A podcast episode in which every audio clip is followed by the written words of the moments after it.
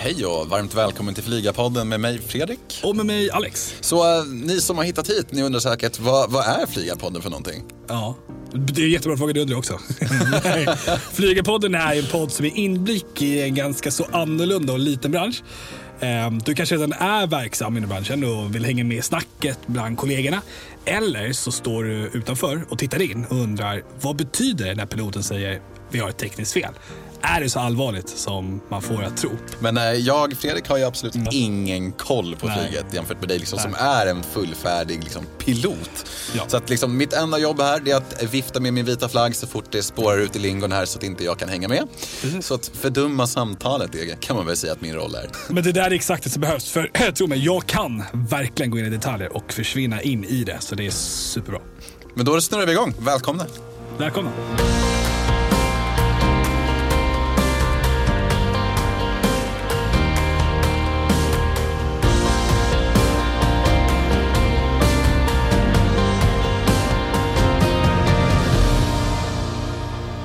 Var vi här igen då. Vad kul. Ny vecka, ny gäst. Verkligen.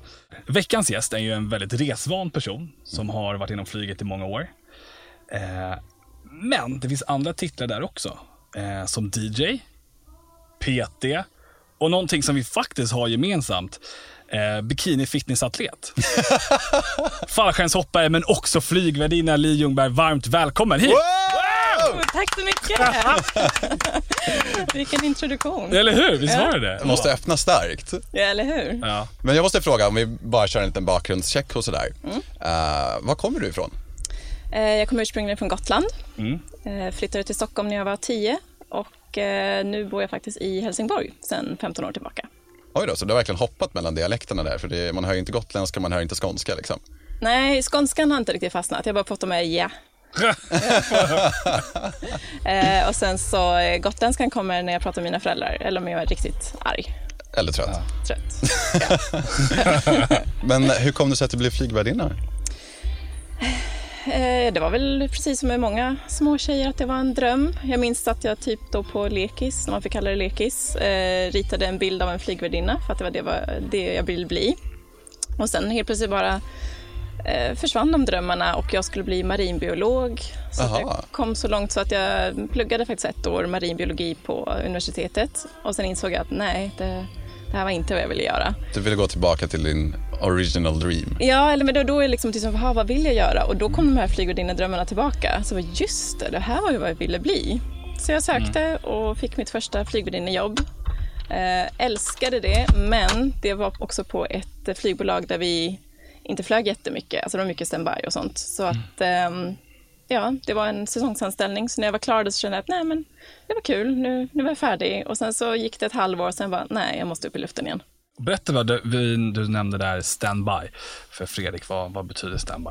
Standby är lite som, jag kan tänka mig, när en läkare har jour. Mm. Du är hemma, du är på arbetstid, men så länge inte du behövs så ja, får du sitta hemma och väntar på att telefonen ska ringa. Så det är därför du, aha okay. du sitter hemma, inte på flygplatsen och väntar där då eller? Kan Nej, det kan vara så. Du kan ha airport standby också. Mm. Okay. Och då sitter du på flygplatsen i uniform på okay. crewrummet.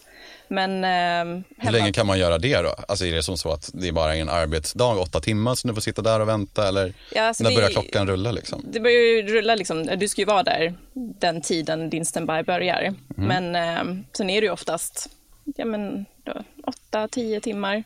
Alltså allt sånt är ju reglerat också på support queues, alltså med regler hur länge du får sitta där. Uh, hemma standby brukar vara upp till 12 timmar. Oj då, mm. så länge då. Men då vet ja. inte du heller var du skulle kunna hamna någonstans. Utan du har med dig en resväska och sen så var det blir någonstans, det vet inte du, eller? Nej, precis. Jaha, vad roligt. Det är som att göra så här uh, rouletten. Mm. Som man alltid pratar med någon polare om. Att men fan, vi borde bara dra till Arlanda och sen så typ singlar vi slant om vilket flygplan vi ska hoppa på. Det, det var mm. det ni gjorde då? Mer eller mindre. Ja, men typ. Mer eller mindre, precis. Ja, Observera, mer eller mindre. Ja, men det är ju svinkul ja. Men vad, vad gör man då när man väl är där då och bara sitter och väntar? Alltså när jag hade airport standby mm. så eh, många gånger började den liksom klockan fem på morgonen. Mm. Så då åkte jag dit, färdigsminkad uniform och allting och sen gick jag och la mig på våran soffa som jag hade där och sen sov jag där. Jaha. Så vi, vi hade typ tre soffor inne i vårt crewroom och där låg vi tre personer och sov tillsammans. Nej, vad skönt. Det var ganska mysigt faktiskt. Ändå få betalt samtidigt liksom. Ja, och den morgonstandbyen brukade vara typ kanske 10-5 bara, eller 10-11. Ja. Så den var inte så lång. Men då vaknade jag och sen var det dags att åka hem. Men där har jag en fråga då. Så ni ligger i ett rum tillsammans och sover. Eh, nu vill ju inte jag outa mig själv, men jag kan ju ibland ha en tendens att snarka, har jag hört feedback. Eh, ifrån. Är det tabu? Exakt, vad händer där? Vad gör man? Alltså, du kanske inte riktigt kommer i en sån djup sömn. Så finns det säkert vissa som snarkar, men de kollegorna jag brukade Ja. hamna med där inne, de var i alla fall tysta. Li, vi måste ta upp, eh, du driver ju en sajt, en blogg som heter flygvännen.se. Berätta mer om, om den. Hur, eh, hur kommer det sig att du drog igång det projektet? Ehm, Jag hade en blogg när jag var yngre, för jag gillar att skriva och jag var lite kreativ och sådär. Men ehm, eh, den fick jag inte ha kvar när jag började på Norwegian. Utan jag fick ett samtal av min chef en dag och sa att hej, jag ser att du har en blogg, den får du ta bort. Vadå då? Eh, I början var det väldigt känsligt, alltså du fick inte lägga ut bilder på dig själv i uniform och sånt här. Men det ändrades. Eh, Men jag var ju så sugen på att blogga ändå, så jag skrev till Norwegian då eh, och frågade, är det okej om jag startar en blogg med ert godkännande? Antingen för att blogga för Norwegian eller att jag liksom bara nämner att jag jobbar där. Fick aldrig något svar.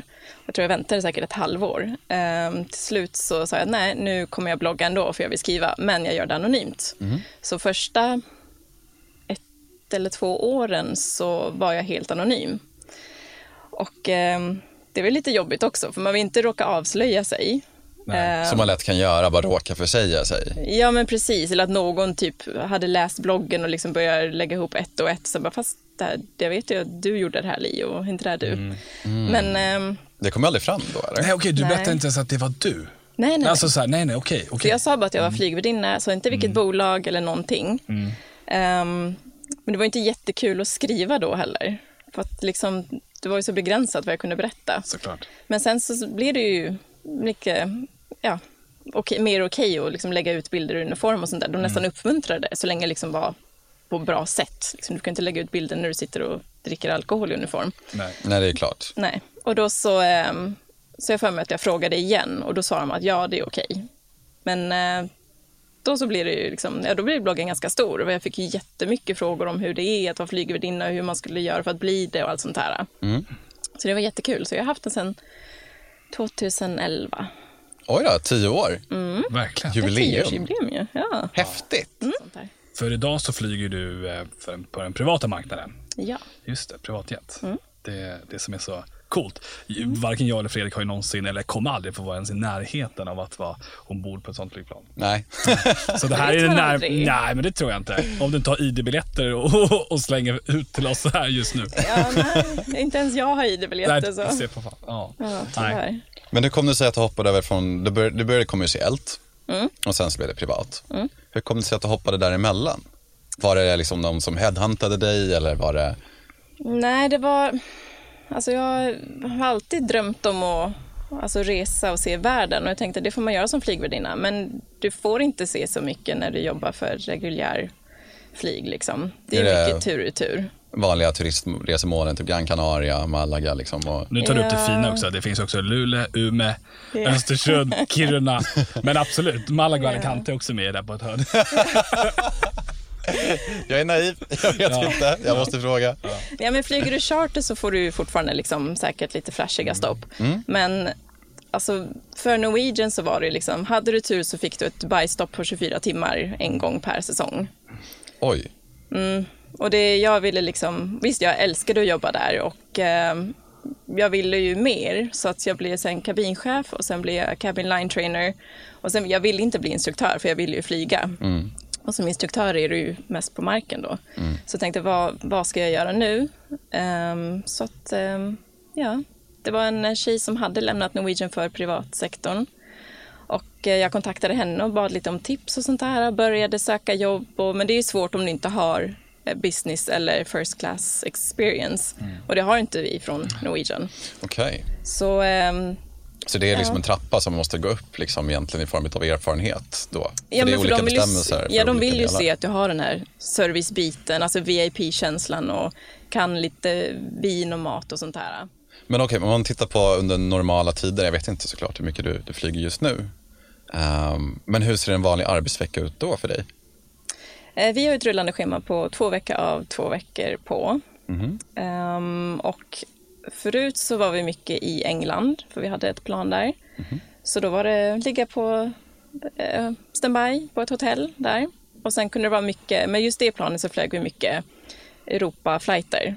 Mm. Men då kan det vara att du kanske hamnar en till tre dagar nere i Grekland någonstans och sen var det till Italien och var där en natt. Och, så du, du var ju mycket borta och han se en hel del ändå. Men du hinner ju turista under de här dagarna för att när du sen har landat och är klar med arbetet för de två dagarna, säg att du åker måndag och sen så åker du igen onsdag, mm. Grekland därifrån, då, då kan du turista under den tiden. Ja, gud ja. Och det gör vi alltid. Alltså det är ju jag och två piloter, så man är ju ensam värdinna i kabinen. Mm. Men är, man blir ju rätt tajta. Så mm. vi är alltid ute och turistar eller tar en drink någonstans eller passar på att käka pasta när man är i Italien och sånt där. Just det, givetvis. Ja, det, låter ju, det låter ju som världens drömyrke ju. Ja, men det, det måste jag säga att det är det verkligen. Mm. Um, men sen så uh, nu och när jag väl började så flög jag de lite större planen vi har som tar 14 passagerare. Kanske inte låter så stort, men det är lite större. Och um, då har jag två veckor hemma om jag inte får en flight. Mm. Och då kan det vara lite längre flighter för de planen går längre. Så att det kunde vara mycket USA, en vecka Sydafrika. Nej. Ja. Fy fan vad Maldiverna, häftigt. Mm. allt möjligt. Det är nice. Ja, det känns nästan lite jobbigt just nu. Ja, verkligen. Men jag vill ändå fråga det när vi ändå är inne på det. Vad, vad är det bästa stället som ni har fått åka till med jobbet då? Oj. Kanske inte det bästa, men topp tre då? Ja, men topp tre får jag ändå säga. Jag älskar USA. Mm. Um, Något specifikt ställe i USA?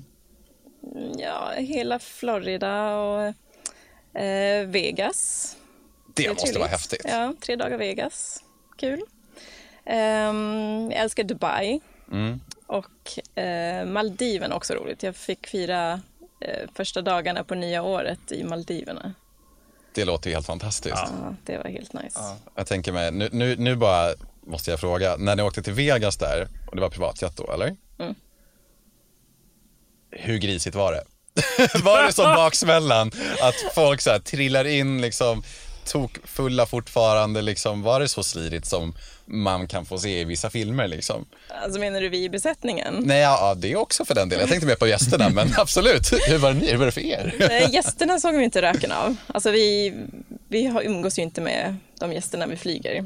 Och men jag tänkte väl på när ni är uppe i luften liksom. Om liksom förfesten börjar där liksom. Nej, och... nej, nej. Okej, du menar så. Nej, det var faktiskt lugna passagerare. Mm. Det var några stammisar. Så mm. jag, de hade något speciell business där. Mm. Såklart. Ja. I Vegas.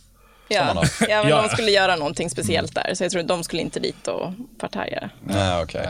Okay. Men ja, det kan eh, gå vilt till ibland. Mm. Berätta. Jag vill verkligen lyssna det här. för vi har ju någonting eh, som vi har tänkt köra som vi kallar för flygvärdens bekännelser. Mm. Och det är också därför du är lite här. För vi ska försöka dra ut de här smaskiga liksom, frågorna och, och saker som eh, kanske inte folk känner till. Eh, så Fredrik, du har ju där den första frågan där kring... Eh, ja. ja. Han sitter, han är så laddad. Han är så laddad. oh, okay. eh, det här gäller både när du körde kommersiellt och även privat. Mm. Eh, har du och hur i så fall har du märkt av människor som har klivit med i 10 000 metersklubben?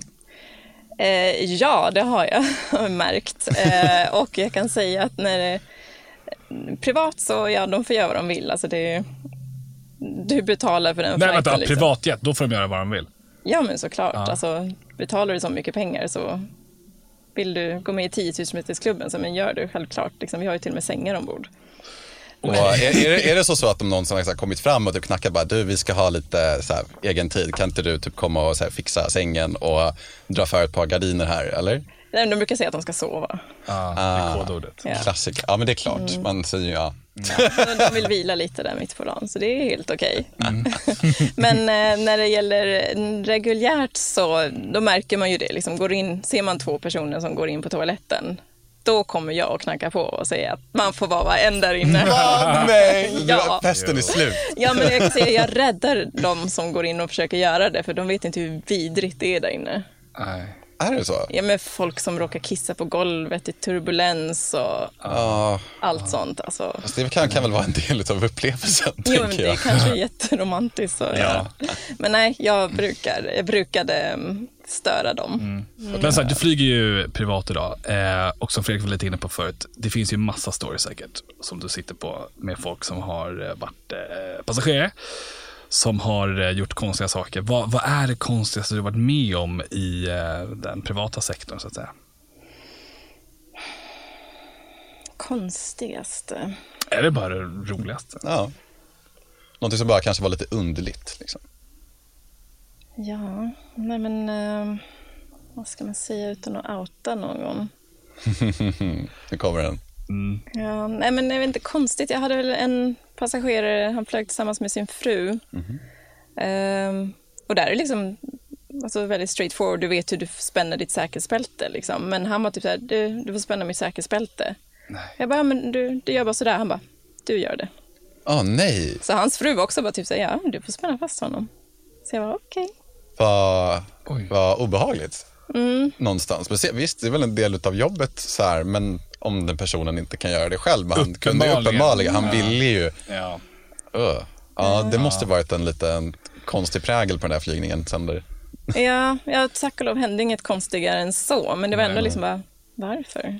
Men det där måste ju, det är ju en, kanske en fördom man har lite så här privatjet. Alltså mycket kanske äldre män som, som åker iväg med företaget och som vi var inne på tidigare lite grisigt. Eh, är det en eh, fel förutfattad mening eller i en viss del kan man bekräfta den att så, här, så kan det faktiskt vara ibland? Eh, Det är klart att det kan vara, men alltså det är lite 50-50 där. Alltså ofta så känns det som att folk med mer pengar har oft, tack och lov lite hyfs också. Eh, För att de vet hur man för sig. Men sen finns det också de som tycker att ja, men, du är en del av inredningen, så de hälsar inte ens när de kommer ombord, fast det är bara jag som står där. Liksom. Så det, ja, Det blir lite 50-50. otrevligt, det är din arbetsplats liksom. Mm, och jag är där för liksom din service och safety. Men Ja, ja, det är sånt får man ta bara. Men vad är den, alltså bara rent stereotypiskt, det behöver vi såklart inte säga någon namn, men alltså egenskaper kanske som den, den bästa passageraren har och den värsta passageraren har.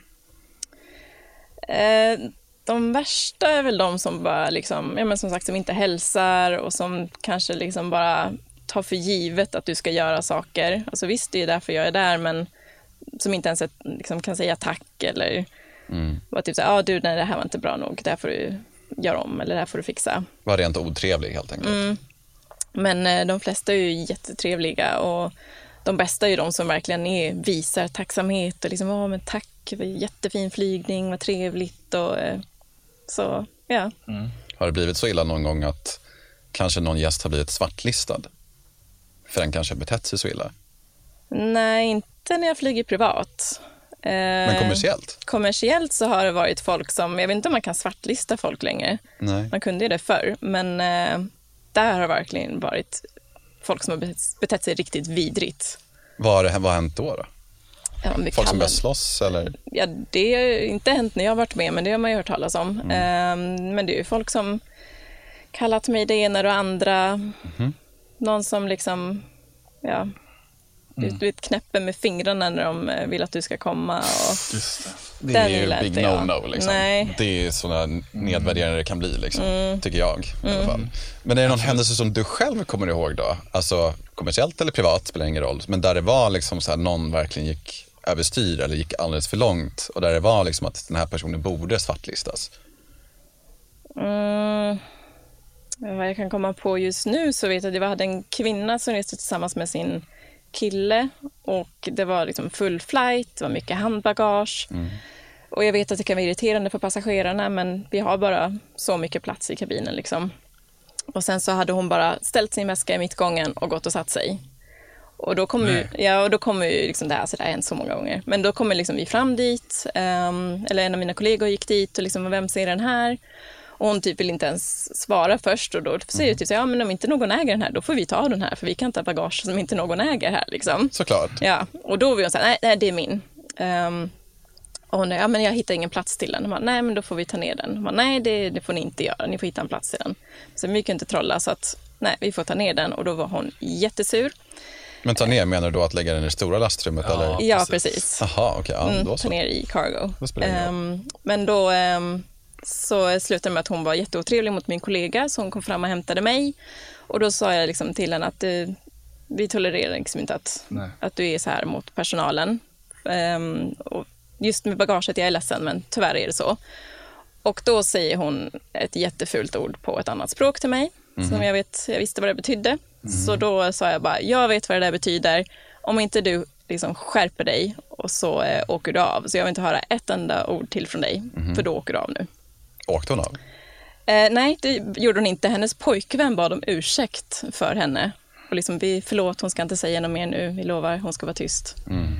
Så det, det kan man ju tycka är pinsamt att din pojkvän ska behöva be om ursäkt för hur du beter dig. Liksom. Ja, verkligen. Ja, samtidigt när det är liksom, det var i början av resan, liksom, är inte ens lyft än. Och du, jag ska behöva sitta här och skämmas över att min partner inte kan bete sig som folk. Mm. Ja. Ja, den är lite märklig faktiskt. Mm, precis. Och det är ju som sagt, det finns ju många stories. Alltså folk kommer ombord och eh, glömmer bort kanske ibland eh, att eh, vi faktiskt eh, i ett flygplan som kostar en miljarder. Eh, folks arbetsplats. Eh, folk gör sig hemma. Och där har jag en fråga. Vad tycker du om folk som går barfota? Man kommer ombord och så tar man av sig skorna direkt när man kliver ombord som passagerare. Alltså det är ju något av det vidrigaste som finns. eh, dels för att jag inte gillar fötter, men också för din egen skull. Alltså du vet inte där, vad det där golvet har sett. Alltså det är... Aj, fy. Alltså jag bara, rekommendation, gå inte barfota ombord på flygplan. Det är väl så här ett recept för att få, få vårtor och allt möjligt. Liksom. För de, de tvättas väl inte de där mattorna? Nej, alltså ska planet in på typ en maintenance så kanske de gör en stor städning, men alltså annars så mellan alla de här hundra flighterna den gör så mattan kanske dammsugas som mest. Ja. Och inne på toaletten så ser jag ju oftast hur städpersonalen har liksom en mopp. De kanske sprayar lite på den, så den står ju fuktig liksom 24-7.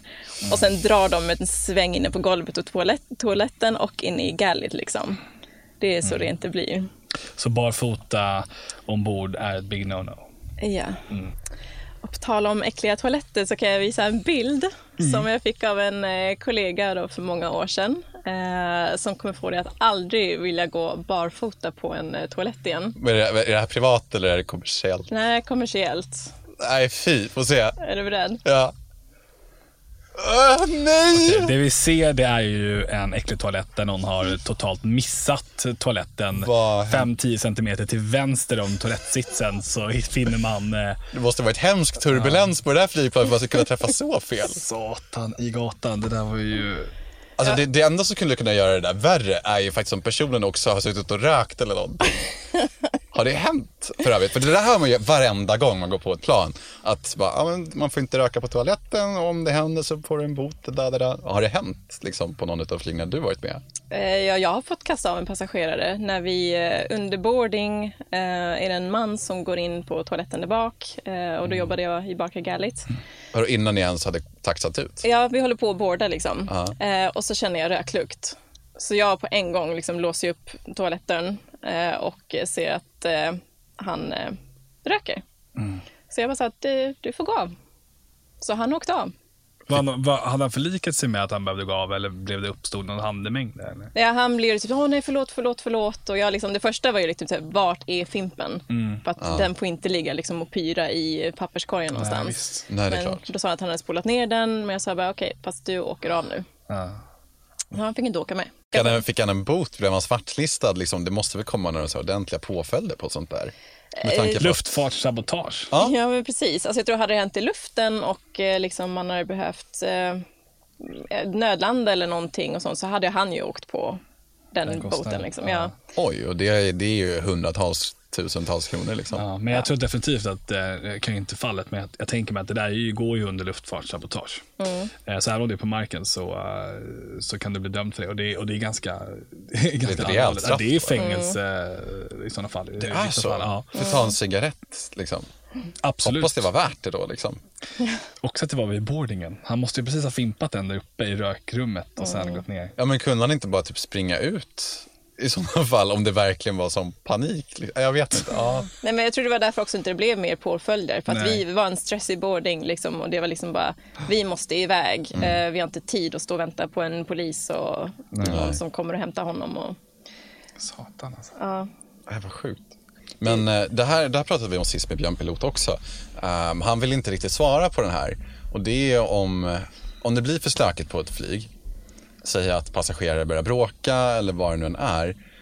Har flygvärdinnorna kanske gått någon typ av självförsvarskurs eller något sånt där ifall att de behöver bli fysiska med någon passagerare? Nej, inte en ren självförsvarskurs, det har vi inte. Men vi går ju igenom lite liksom de medel vi har för att kanske ta hand om en bråkig passagerare ombord. Och, och vi är ju också tillsagda att ta hjälp av andra passagerare och mm. oftast blir det det att de hjälper till. Mm. Precis, alltså folk blir väldigt hjälpsamma när det uppstår sådana situationer. Precis som det finns de som typ när man mitt i ett sjukdomsfall ringer någon på klockan och vill ha kaffe. Va? Ja. Nej, det är sant. Ja, det har jag varit med om. Nej, men herregud. Mm. Det där är ju så respektlöst. Mm. Men då, då vet jag antingen, är det respektlöst eller är du bara i sån chock att du inte liksom fattar vad som pågår här? Ja, så kan det absolut vara. Ja, men oftast är det familjemedlemmarna till den som blir sjuk som är i chock. Ja. Så de får man ju ta hand om. Men det här ja, var liksom klart. en passagerare några rader ifrån som bara plingar, plingar på klockan. Man bara, eh, ja, eh, var det något akut? Mm. Jag kan få mer kaffe. Mm. Man bara, inte nu! Så står man där med en syrgasflaska i famnen. Liksom. Står liksom redo för att göra hjärt och lungräddning. Liksom. Ha med de här två metallplattorna. Så clear. Men, vänta lite, hon ska få kaffe här borta bara. Ja. Vad absurt. Mm. När är det någon sån här sjukdomsfall som du kommer ihåg som kanske satte lite spår? Alltså någonting dramatiskt som har hänt väl uppe i luften? Man minns väl alltid sitt första sjukdomsfall. Mm. Eh, för innan dess vet du inte hur du faktiskt reagerar i en sån situation. Mm. Men det var, ehm, det var när jag jobbade på Norwegian. Eh. Det var en äldre dam som satt på första raden med sin man. Och det var en nattflygning. Eh, så det var mörkt i kabinen och, vet, och så var vi där bak. Vi hade serverat klart och allting och sen så ringer det på första raden så är det hennes man. Mm. Och man märker att han är lite chock. Så han bara, min, min fru verkar inte må så bra. Och så tittar vi på henne och det ser mm. typ ut som att hon sover fast med ögonen öppna. Alltså hon har ju typ helt svimmat mm. liksom. Uh, så vi försöker klappa liv i henne och uh, inse att nej, nu uh, är det dags att få henne ur sätet och ge henne syrgas och vara beredd med hjärtstartare. Och, um, så det, det var inte mer dramatiskt än så. Hon vaknade till liv och, och fick sitta med syrgasen resten av flighten.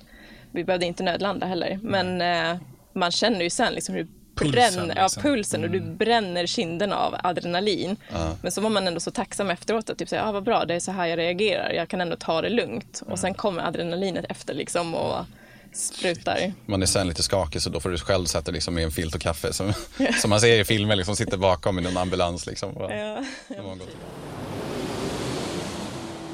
Okej, vad, okej, som passagerare då, när vi ändå är inne på det här med hygien. Vad är kanske det smutsigaste på planet? Är det, är det någonting som folk gör som du bara så här, drar dig för och bara, uff, fy, de borde veta hur många andra som har gått på det där eller varit där. Men egentligen allt ombord är smutsigt och äckligt. Och då skulle jag säga i sådana fall toalettgolvet. Alltså. Det, det, är nog det smutsigaste och vidrigaste i och med att folk säkert mm. råkar göra ett och annat där. Ah. Men eh, alltså jag skulle inte lita på att varken typ, så heter det, vad heter de, armrests, mm. att de eller bordet är tillräckligt rent. Alltså, ja, det är ju kanske en fördel nu med pandemin att de delar ja. ut spritservetter. För jag spritar ju allt när jag sätter mig. Ja, det är så? Ja, och det ja. har jag i och för sig alltid gjort. Jag har ju alltid trott att mellan flighterna när man landar, det första som kommer mm. på det är städpatrullen. Liksom. De mm. kommer och gör det kliniskt rent, men det var bara de kommer att göra det liksom, än... rent. De lägger bältena i ordning och torkar av och sånt där. Men du, vissa, mm. på vissa destinationer så torkar de inte av borden. Ah. Men det är också, vi pratar alltså eh, 25 minuter från hjulen ner till hjulen upp. Eh, vi pratar 32-33 stolsrader med sex platser varje rad. Eh, Alltså det finns inte tid i mm. världen för mm. Det är en sån här tonårsstädning, du vet när ens mamma bara, har du städat rummet? Man bara, ja jag städar nu och så bara gör, gör man, gömmer man allting. Liksom. Det är ett berg under sängen, liksom, så att sängen Exakt. står upp som en kulle. Liksom. Ja. Det är städat. Alltså jag tänkte liksom, förut var det jätteglamoröst att flyga, men ja. att flyga idag, det är ju som att ta bussen. Mm. Och hur ofta tror ni att de städar och nej. desinficerar en buss? Ja, nej. Sant. Jag tänkte kolla det också. Uh, för du hade ju uppenbarligen en bild av yrket sen innan du började. Mm. Är det lika glamoröst liksom, att vara flygvärdinna som det kan ibland visas i filmer eller som den här ganska gamla klassiska liksom, synen av det är? Lever upp till det, ehm, till det måttet? Både ja och nej skulle jag mm. säga. Alltså det är ju, jag tycker det är glamoröst och liksom, du går där i din uniform, du ser fin ut och du får resa en hel del, oftast och kanske inte eh, reguljärt men och sen är det ju den här sidan som inte alla ser, att det är liksom, det är tungt. Eh, det är mycket lyfta bagage fast du egentligen inte ska det. Det är tunga vagnar. Mm. Det är, på vissa destinationer så är det besättningen som städar beroende på vilket bolag du jobbar för. Mm. Och då är det liksom, ja, men som du säger, som du räknar ut där, då är det x antal säten som ska, bältena ska läggas i ordning och det ska städas och du hittar bajsblöjor i stolsfickor. Och, Nej. ja, jag ska säga det äckligaste ja. jag någonsin har hittat. Ja. Som jag inte såg vad det var förrän jag drog ut den och det stänkte upp på mig. What? Nej. Nu, vänta, vi måste bara pausa för den här stämningsupphöjningen ja. är ju fantastisk. Ja. Och det jag hittade var någon som hade bytt sin kateter. Nej! Ja, så jag fick kiss som sträckte upp mig. Ja. Så oh, vidrigt. Mm. Och de bara lämnar den där? Vadå, i ja. stosfickan? I stosfickan. Inte i de här påsarna som finns mm. överallt som varenda person med så här common ja, sense förstår ja. att man ska använda till skräp. Ja, nej, det var någon som har lagt den i stosfickan. Nej. Mm. Kan man inte så leta upp vem som har suttit där och skickat en bot? Liksom? Men det är ju det, är det som är så underbart när man går av och så tittar man, då ser man det ser för jävligt ut. Mm. Framförallt kanske så här barnfamiljer som har rest. Så ser man att det är ju så jävla skitigt. Men man lämnar, man är typ såhär, kom nu går vi fort som fan. Liksom. Ingen ska veta var vi satt. Liksom. Och då är det som att man, eh, man slutar bry sig om eh, vad folk tycker och tänker om en. Ja, men det, där är ju, det där är ju så fel någonstans. Ja, oh ja. För att jag menar, det, precis som du säger, det är någon annans arbetsplats. Mm. Mm. Och samtidigt tycker jag att det, det är skämmigt. Jag sitter här med så många andra människor och grisar mm. ner, tömmer min kateter och bara, bara, låter det vara. Alltså det ja. Ja, men folk slutar ju aldrig förvånas. Du sa ju innan att någon hade brukat så här, klippa tånaglar och grejer. Mm. Vad var det om? Liksom, vad, det, finns det fler sådana här sjuka grejer? Ja, det finns ju en, en Facebook-sida som heter Passenger Shaming. Mm. Där folk eh, egentligen outar andra passagerare som mm. gör vidriga saker ombord. Typ mm. klippa tånaglarna eller sådana som brukar stoppa fram sina bara fötter mellan stolsryggarna för att de vill liksom kunna oh. ligga ner. De där människorna. Oh. Ja, alltså Nej. riktigt sådana vidriga saker. Så gå in och kolla där så får du se hur, hur folk verkligen kan bete sig. Det jobbigaste för Fredrik är att han kommer ju sen se, fan det där var ju mina fötter. fan, de kom på mig alltså. Ja, precis. Ja, herregud alltså. Vi hade ju förra avsnittet Björn Pilot eh, som eh, för att kapten på ett större bolag i Skandinavien, skrivit en bok om flygrädsla. Och där snackar vi då lite så om att vara flygrädd och lite så. Nu ska vi inte, ska inte jag peka på någon i den här studion, men det är uppenbarligen inte du och jag, om det är någon av oss tre som är flygrädd. Mm. Eh, har du någonsin varit flygrädd när du har flugit och jobbat som eh, flygvärdinna? Känt så här, wow, vad händer nu? Mm, flygrädd har jag aldrig varit. Då skulle jag inte gå till jobbet. Men eh, det har varit gånger man liksom bara, oj, nu eh, var det väldans turbulent. Alltså, eh, och då blir man lite så här, alltså inte för att jag är rädd för att det ska hända något med planet, men jag är rädd för att slå mig. Just det. För det, det är det folk kanske inte förstår, att sitter du i ditt säte så ska du ha bältet på dig för att det kan komma alltså, turbulens från ingenstans och det är då du kan slå dig riktigt illa. Och ni är uppe och går där? Ja, precis. Och vi, tunga vagnar. Exakt. Mm. Så att, eh, ja, det har hänt. Ja, det har det? Att det har varit så turbulent, ja, så jag har blivit orolig. Vad, vad är det värsta som har, värsta, inom situationstecken då, som har hänt då? Är det någon typ som har tappat den här vagnen till exempel som åker så här rakt ner i gången eller? Ja, jag har hört talas om att det har hänt liksom, och nu för inte så länge sedan så hörde jag om en före detta kollega som faktiskt i turbulens eh, slog sig så illa så de fick åka in till sjukhuset. Oj. Mm, skadade sig riktigt illa. Det är så här massa väskor som trillar ner och... Ja, mest på att alltså, det, det kan ju hoppa till. Alltså, du vet den känslan när ah. du faller. Då kan du liksom, du flyger upp och sen flyger du ner igen. Landa på armstödet med huvudet liksom. Mm. Gud, det där såg jag faktiskt på något klipp. Att ah. det var, precis som du säger, mm. superturbulent. och personen åker upp i taket och bara bam ner på golvet igen. Mm. Sen vet jag inte om det var trickfilmat, men Nej, det, nej, det nej. skulle kunna hända. Ja, ja. Absolut. Och det där är ju eh, när man liksom kommer upp eh, och så passerar man 3000 meter så oftast säkerhetsbältsskylten går av då. Eh, och då hör man ju nästan alla öppna Ja. upp. Liksom. Man bara, vad gör ni människor? Liksom, sitt ner. För om man ändå ska sitta ner, Mm. ha på bälte. När man inser att man färdas 900 km i timmen. Mm. Så liksom, nej. Ja, men Men det, ni är ju uppe och går. Men det folk som är flygrädda vill jag minnas, folk som har sagt så här, ah, men jag tycker det är obehagligt att flyga och så här. Eh, och då har jag alltid sagt, ja men när du ser eh, kabinbesättningarna gå och sätta sig under cruisen för att det är turbulent. Det är då man kanske själv ska börja säga, men så länge de är uppe och går och liknande så är det ingen fara. Och så kommer jag ihåg en person som var väl flygare som sa det, liksom att, eh, och det hände ju liksom att de var tvungna att gå och sätta sig själva. Eh, och personen återberättade det här med att eh, den bad en bön och liksom, nu är det kört. Liksom. Men kan du hålla med om att när ni får order om att så här, okej, nu måste vi också sätta oss för visst, det är en säkerhet. Men att då blir det helt plötsligt allvarligare. Ja, eh, och det kan ju hända lite då och då, speciellt typ vissa tider på året. Liksom.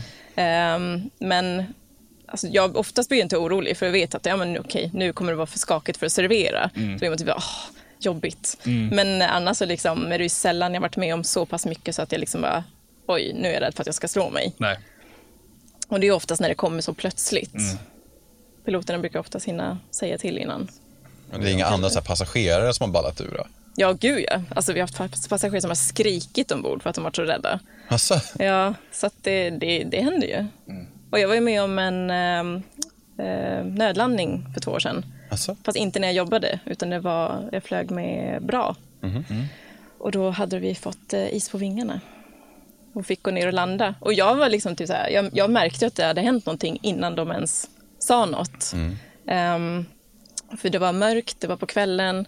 Vi hade precis eh, varit take-off och jag satt och kollade på en, eh, en film på telefonen.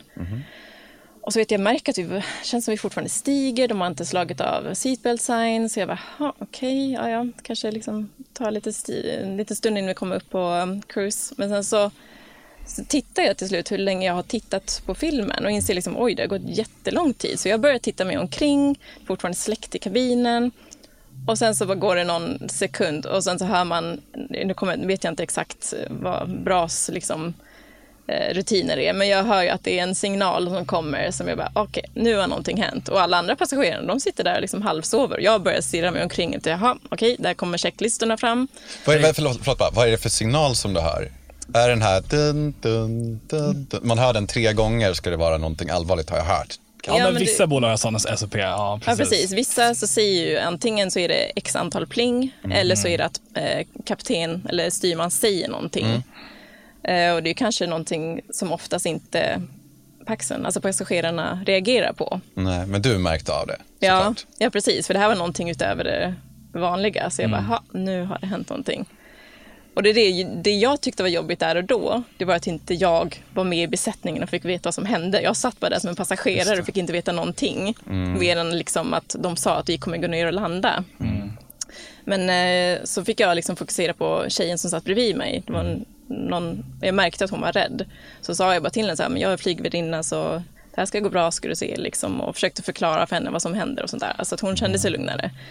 Gud vad bra att du fanns där. Jag tänker bara för mig själv som är flygrädd. Det hade ju varit fantastiskt att ha en liksom, kompetent person och inte någon så här allvetare liksom, bredvid en. Liksom. Så nej, men, nej men det här är ingen fara, ska du se. En sån där kärra klarar sig överallt, det är inga Någon konstigheter. som grundar all fakta på Flashback också. Ja men precis, ja, men du, du vet, liksom, alla har väl liksom en sån så här, farbror, morbror som på Absolut, jul, absolut, jul liksom, absolut. middagen ska, alltid ska liksom veta allting och kan allt om allt. Liksom. Men så ni gick tillbaka, vad hände då på backen? Gick, eh, gick de ut och berättade sen för er vad, som, vad det var? och Så? Nej, de, vi gick inte ens tillbaka. Vi lyfte från Bromma och fick gå ner i Skavsta. Oj, det är Ja. ju ingen sträcka liksom. Nej, nej precis. Och, och jag i mitt huvud tänker Sturup. Så tänkte jag, jaha okej, ja, ja, men då kan jag ta tåget från Sturup hem till Helsingborg. Det är inte liksom så farligt. Men det är bara att när vi landade sen, jag tänkte, vänta, Skavsta, Nyköping, vad fan, jag är inte hemma än. men eh, det var bara liksom, ja man vill ju veta vad som hade hänt. Det var liksom, och det kanske är lite det kontrollbehovet som jag tror att många flygrädda har. Att jag kände att jag vill veta vad som händer och liksom, är det något jag kan hjälpa till med. Men sen så när vi sen landade och kapten faktiskt ställde sig i, längst fram i mittgången och mm. eh, tog PA och berättade vad som hade hänt så såg man på han att till och med han var liksom lite shaky. Mm. Så det hade ju varit allvarligt. Men mm. de var ju mm. jätteduktiga, de skötte allt jättefint. Så att, eh, det ska man cred Nu kommer ju flygnörden in i mig. Visst var det vi pratade om deras ATR, alltså propellerflyget, eller? Ja. ja. Mm. Precis, den är ju inte så jättekänd för att eh, klara is särskilt bra. Men det är en annan femma. Det är ett jättefint flygplan, men eh, väldigt känd för att eh, eh inte superbra med is. Men vad, vad händer då liksom, om det blir is på vingarna? Vad, vad innebär det? Liksom rent konkret annat än att... Här får piloten berätta.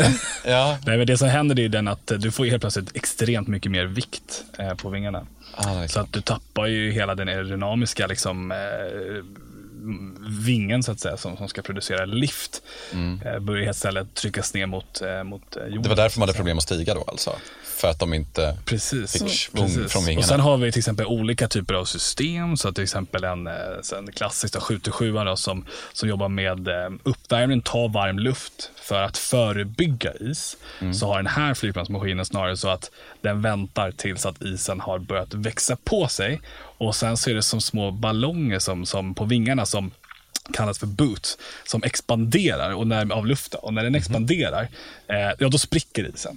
Okay. Men har det gått för lång tid och du har fått för mycket, då spelar det ingen roll hur mycket, för då hinner det liksom inte. Eller om du sätter på den för tidigt, så kan det också leda till att eh, den inte liksom, att det fryser fast is när den då ska ha spruckit. Då. Så att det, där, där finns det, det finns ju så här, ja, i det här värdet så här mycket temperatur, liksom, ja, ja, för stora mallar kring vad som är tillåtet och inte tillåtet. Och marginalerna är ju enorma, så det är långt ifrån farligt överhuvudtaget. Men såklart att när det väl uppstår någonting så är det så här, då går vi ner.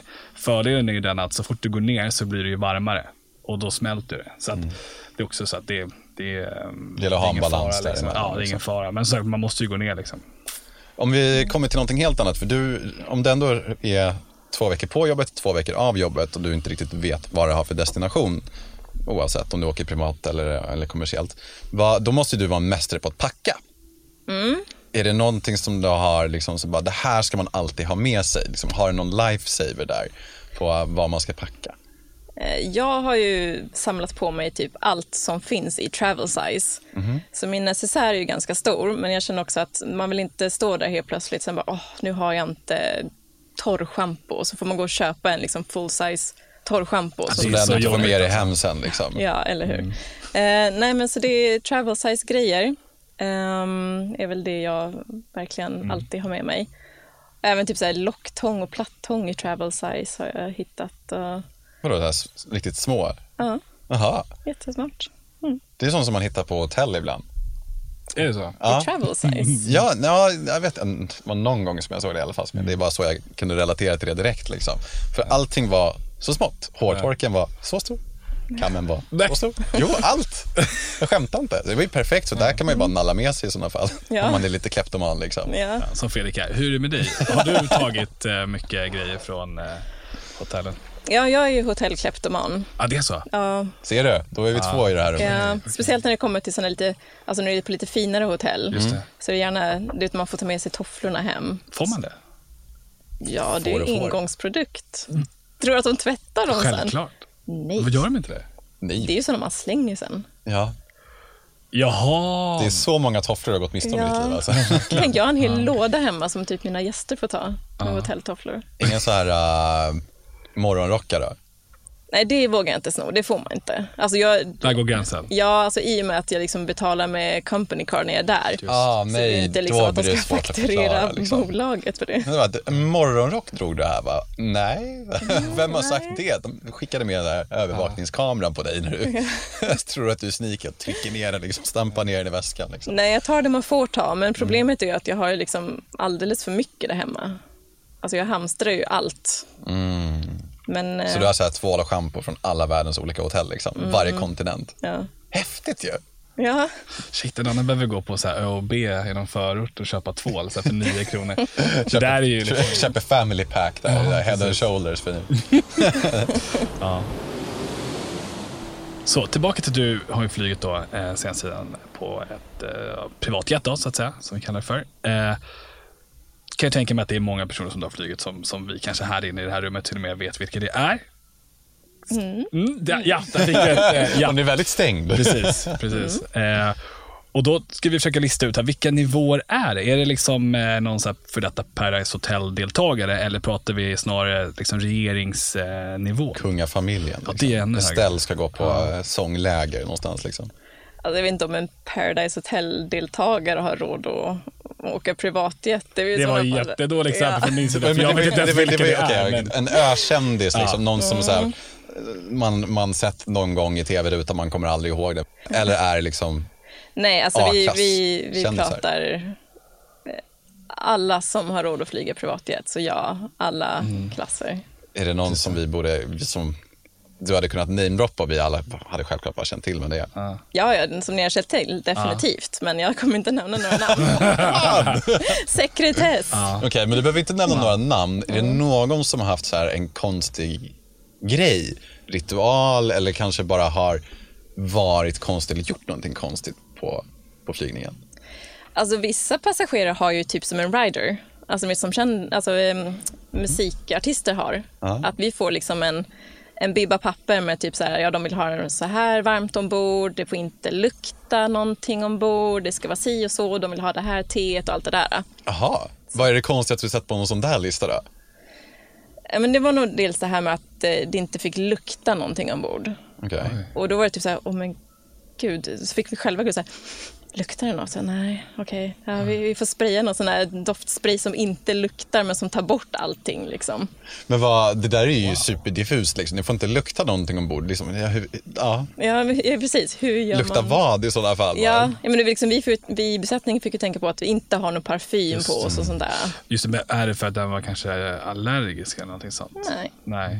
Bara lite diva liksom? Ja, ja eller liksom de de har sina krav. Liksom. De, de kan ställa krav, och då gör de det. Och så gör de liksom all rätt Men tycker du, att det, du tycker att det är rimligt att ställa de kraven? ja, Oj, alltså, betal, nej, betalar du så mycket för en flight, så ja, då tycker jag att du ska ställa krav. Men är det långa listor eller är det så här, ja, det ska vara den här temperaturen? Liksom? Eller? Vissa har ju bara några så få. Uh, är det någon som har haft så här en absurt lång lista?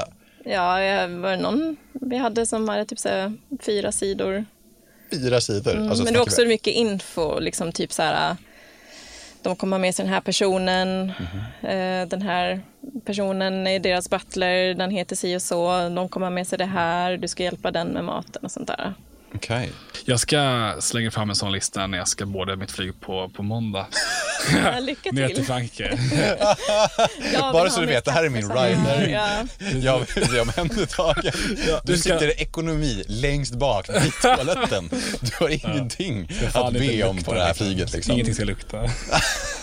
Men det där har ju då de som är jordnötsallergiker allergiker tänker att det där blir lite liknande. Alltså så här, hej jag är jordnötsallergiker, servera inga jordnötter. Det blir ju det närmaste mm. man kan komma. Allergikortet kan man ju dra. Jag är ju hundrädd. Jag brukar alltid säga att jag är allergisk mot hundar. Då slipper du ha det här problemet att folk kommer och säger ja men gå och klappa, det är ingen fara. Mm. Men säger man att man är allergisk så, mm. så allergikortet ah. är ju en, en cover för en sån där rider. Och så, kan vi säga. så det är tips från coachen. Smart. Mm. mm. smart. Har du några sådana här lifehacks som du kan dela med dig av när man är ute och flyger som passagerare? Till exempel hur man kan uppgradera sig gratis från ekonomi till business class Går det ens, eller är det bara en myt? Eh, jag kan säga att det var nog lättare förr. Mm. Ehm, då kunde ju, alltså, ja, när jag flög så kunde jag liksom ha med mig men massa choklad eller godis till, eh, till besättningen. Och dels för att man alltså, vet... du mutade dem? Ja. Men det här alltså, händer ju nu också. Ja, det händer ju mm. nu också. Men alltså, man vet ju hur mycket man som besättning uppskattar det. Liksom efter en lång dag och sen kommer någon gullig passagerare som ger en liksom något litet extra. Mm. Det gör ju dagen mycket bättre. Men samtidigt så kan det ibland leda till att du blir antingen uppgraderad eller får lite en egen stolsrad eller något sånt där. Mm. På riktigt? Mm. Så vad är det man ska ge i sådana fall, en flygvärdinna?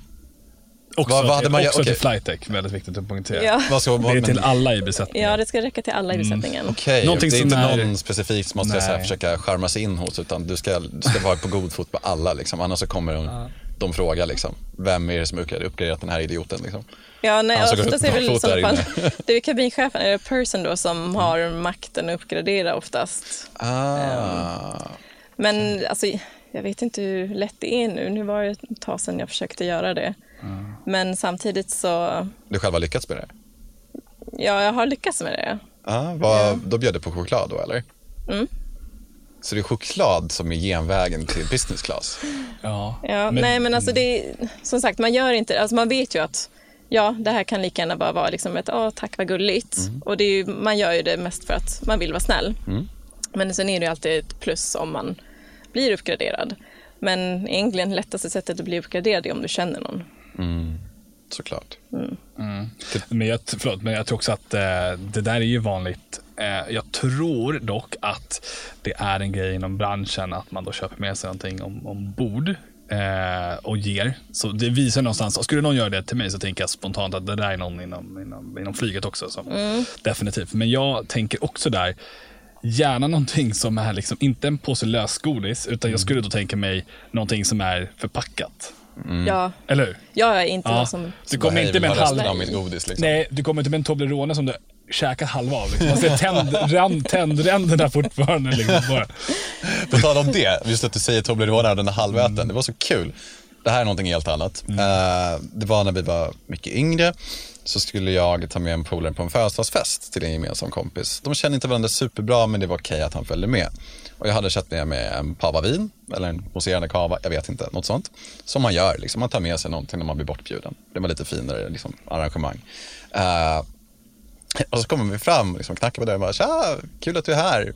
Eh, jag ger, räcker över min present och min kompis står upp då, en, på riktigt en Toblerone som är halvt uppäten och bara “grattis på födelsedagen”. Sträcker fram den lite skamset liksom. Och han säger “du kan nog behålla den där”. Så bara, “Jaha”. Det var ju nästan värre. Du Ja. skulle inte gett någonting i sådana fall. Ja, Tanken är faktiskt. god ändå. Ja, men tanken är ju god för att liksom, han kände sig dum, han ville ge någonting, det blev fel. Ja, verkligen. Och det var, Stick, stickspår. Men återigen, Ja. har du kommit på något bra lifehack för passagerare? Ja, men, eh, ja, ett bra lifehack när du flyger. Eh, se till att alltid ha med dig egna, alltså egen mat, egna snacks och sånt där. För att eh, jag är inte jättestort fan av flygplansmat och det, det som säljs ombord. va? Ja, Då är vi två. Det känns Ja. så bra att vi har en till här som säger att... ja men det är, alltså, det är sån gamble. Du kan komma ombord och sen kan det vara jättegod mat men det kan också vara typ så här, vad är det här? Det ser ut som hundmat. Ja. Ja, och då sitter du där i x antal timmar och har ingenting att äta. Och jag är en sån som blir hangry, så jag behöver något att äta. Det känns som att ni bondar över det, tänker jag spontant. Ja, men det var ju Du som... har den auran. Jag har den auran. Att också blir det. Går, vadå, att jag går barfota, klipper tånaglar, äter... Ja. ja. Ja, jag har den. Okej, ja. Nej. Nej men ja, jag, jag, håller, jag, alltså jag håller med helt och hållet. För förra gången när vi satt med Björn Pilot och frågade om samma sak, eller jag frågade om piloterna käkade samma sak, strunt samma. Vi kom in på vad flygplansmaten, om man tyckte om den eller inte.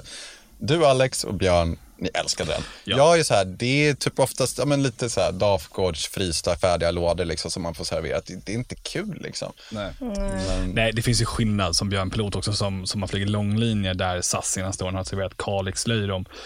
ja. Det är ju en jävla skillnad från då liksom en färdig fryst lasagnelåda. Liksom. men på privatjet då? Är det, är, det an, är inte annorlunda med maten då? Definitivt. Alltså, ja. Ja, Du tänkte- du tänkte inte kommersiellt, liksom. ja. Okej, vad, vad bjuds det på då liksom? Eh, när vi flyger privat, eh, precis vad du vill. Alltså har du önskemål så löser vi det. Har ni inte det, eh, då är det upp till mig som flygvärdinna att eh, sätta ihop någon fin meny. Jaha, så då- du får ändå så här, Ja, det är det som är så kul. förrätt, varmrätt, efterrätt liksom? Ja, och det är, beroende på hur lång flighten är så kanske det bara är liksom, ja, men litet fika eller så är det tre rätters eller så är det liksom frukost och allting. Och då eh, har du inga önskemål, då som sagt sätter jag ihop någonting och eh, det är det som är så kul för att då får jag verkligen använda min fantasi. Och vet, uppläggning och allt sånt här. Vi har ju liksom allt du kan tänka dig i porslin och brickor och uppläggningsfat. Så det är jättekul att, att få ansvar över det. Men, ja, men kör det. Men då beställer du innan så, här, så att du vet så här. ehm, du beställer massa saker ombord och sen så lagar du, eller inte lagar men sätter ihop allting och värmer och så liksom. Mm, plejtar. antingen så använder vi oss av som Jet Catering Just det. och då kan man ju beställa. Ehm, och sen vissa saker går jag och handlar själv. Mm. Ehm, och typ börjar jag såklart hemifrån så går jag till systemet själv och handlar det som vi ska ha. Ja, det är så pass? Ja. Jaha. På riktigt? Så det, det är det som jag tycker är kul. Alltså, Ja. att jag har så mycket ansvar och får använda så mycket kreativitet ombord. Det är ju fantastiskt ju. Mm. Och samtidigt så behöver inte du vara orolig på att det kommer bli dålig mat ombord. Nej. Det är ju två flugor i en smäll. För det är också jag som fixar crewmaten. Mm. Då så. Så man måste hålla sig på god fot med dig alltså, annars så blir det Ja. fiskbullar eller davkorts liksom. Ja, men precis. Nej, men jag brukar faktiskt alltid fråga piloterna vad de vill ha. Och sen har jag nedskrivet, eftersom inte vi är så många som jobbar på mitt bolag, så har jag nedskrivet exakt vad alla brukar gilla och allergier. Wow. Men Du kan skriva ner, jag är allätare. Bara så att vi har det klart. och jag äter bara ryggbiff eller wagyu. Ja. Någonting Just det. I fix. Vi löser det. Alltså. ja. Ja, det, är, skill- det, är en kont- alltså det är kontraster i branschen, definitivt, på vad man jobbar. Oh ja, det, blir, det får ju lite vad du betalar för såklart. Men precis, alltså det, det är det det handlar om. Precis, betalar du 100 spänn liksom på någon booking site liksom för Mm. det billigaste flyget. Så att jag står fast vid att flygplansmat är det bästa som har hänt världen. Ja men gud, nu tar du ju i liksom. Inte så här coronavaccin eller någonting annat, utan det är flygplansmaten. Karins lasagne har de tagit in på det här flyget. Det är liksom Guds gåva till mänskligheten. Definitivt. Okej, Ja, då, är vi, då är vi, tänker vi olika. Men eh, hur ser din vardag ut idag då? Med, tanke, med tanke på corona, har det varit särskilt många flygningar för dig då? Eller har det stått stilla? Eh, Jag blev faktiskt uppsagd under pandemin. Okej. Eh, Så det var jättesorgligt. Jag var jätteledsen. Eh, Men nu har jag faktiskt precis fått tillbaka mitt jobb. Vad roligt! Grattis får man ju säga då. Tack, jag är överlycklig. Har du något sånt här första flygningen? Eh, Jag, jag frilansade faktiskt lite i somras för mitt eh, bolag. Okej. Eh, innan de liksom insåg att nu har, vi, nu har vi möjlighet att trappa upp kapaciteten igen. Eh, men då, tack och lov, var det en ferry flight, alltså en tom flygning. För vi skulle åka till en annan destination. Så där sitter jag ensam i kabinen och gråter för att jag är så glad att få flyga igen. Nej, vad roligt. Jag förstår det. Mm. Nej, så det var, det var speciellt. Vet du var din första resa blir någonstans? Nej, jag har inte fått mitt schema än. Okej, så du kommer sitta och hänga där i logen liksom och sova? Nej, nej jag skojar. Nej, nej Inte nu första är det dagen, hemma i alla fall. Ja. Mm, jag Skönt. förstår det. Det var kul att det är ett tecken på också att eh, affärsresenärerna börjar komma tillbaka. Eh, som är ändå det är era målgrupp, mer än kanske fritidsresenärerna. Eh, kul att se det. Jag såg till exempel senast här att eh, branschorganisationen Eurocontrol går ut med siffror som tittar på jämfört 2019 och nu. Och, så här. Eh, och vissa länder börjar närma sig. Typ Grekland ligger nästan på exakt samma nivåer nu i augusti som var eh, som 2019. Eh, Norge ligger på typ 25 procent under vad det låg 2019. Och det är ganska höga siffror ändå, för 2019 var ju ett pangår inom flyget. Så det börjar ändå Komma tillbaka. komma tillbaka och, och Flygbra introducerar tillbaka alla sina flygplan här nu i september för att dra igång här inför hösten, exakt som man gjorde innan pandemin.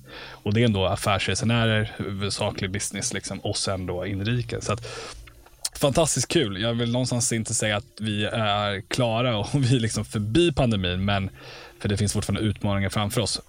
Men fan, vi är på god väg i alla fall. Mm. Ja, man märker det. Alltså jag, mina, alla mina närmsta vänner, vi är flygvärdinnor på olika bolag. Och eh, nu är det bara en i vår grupp som inte har fått tillbaka sitt jobb än. Som väntar fortfarande. Men alla andra fick komma tillbaka nu. Norwegian och, och jag. Just det. Du får hälsa till din eh, kollega där att eh, aviators.se, där kan man ju registrera sig om man då är inom branschen eller vill in i branschen och eh, öka chansen till, eh, till vidareförmedling till jobb i framtiden. Inte bara det, det är också Skandinaviens nya största forum Precis. för de som är flygintresserade, som mig till exempel, som inte kan någonting, men även för er som är i branschen. Exakt. Och sen har vi även att man ska regga sig bara på första sidan. Så får man ta del av de här lite grejerna i förtur. Eh, de andra. Plus även eh, veckobrev som vi kallar för, för weekly letters. Exakt. Från, eh, från oss. Med lite vad som händer i branschen senaste veckan. Absolut. Så det får du hälsa. Bra tips.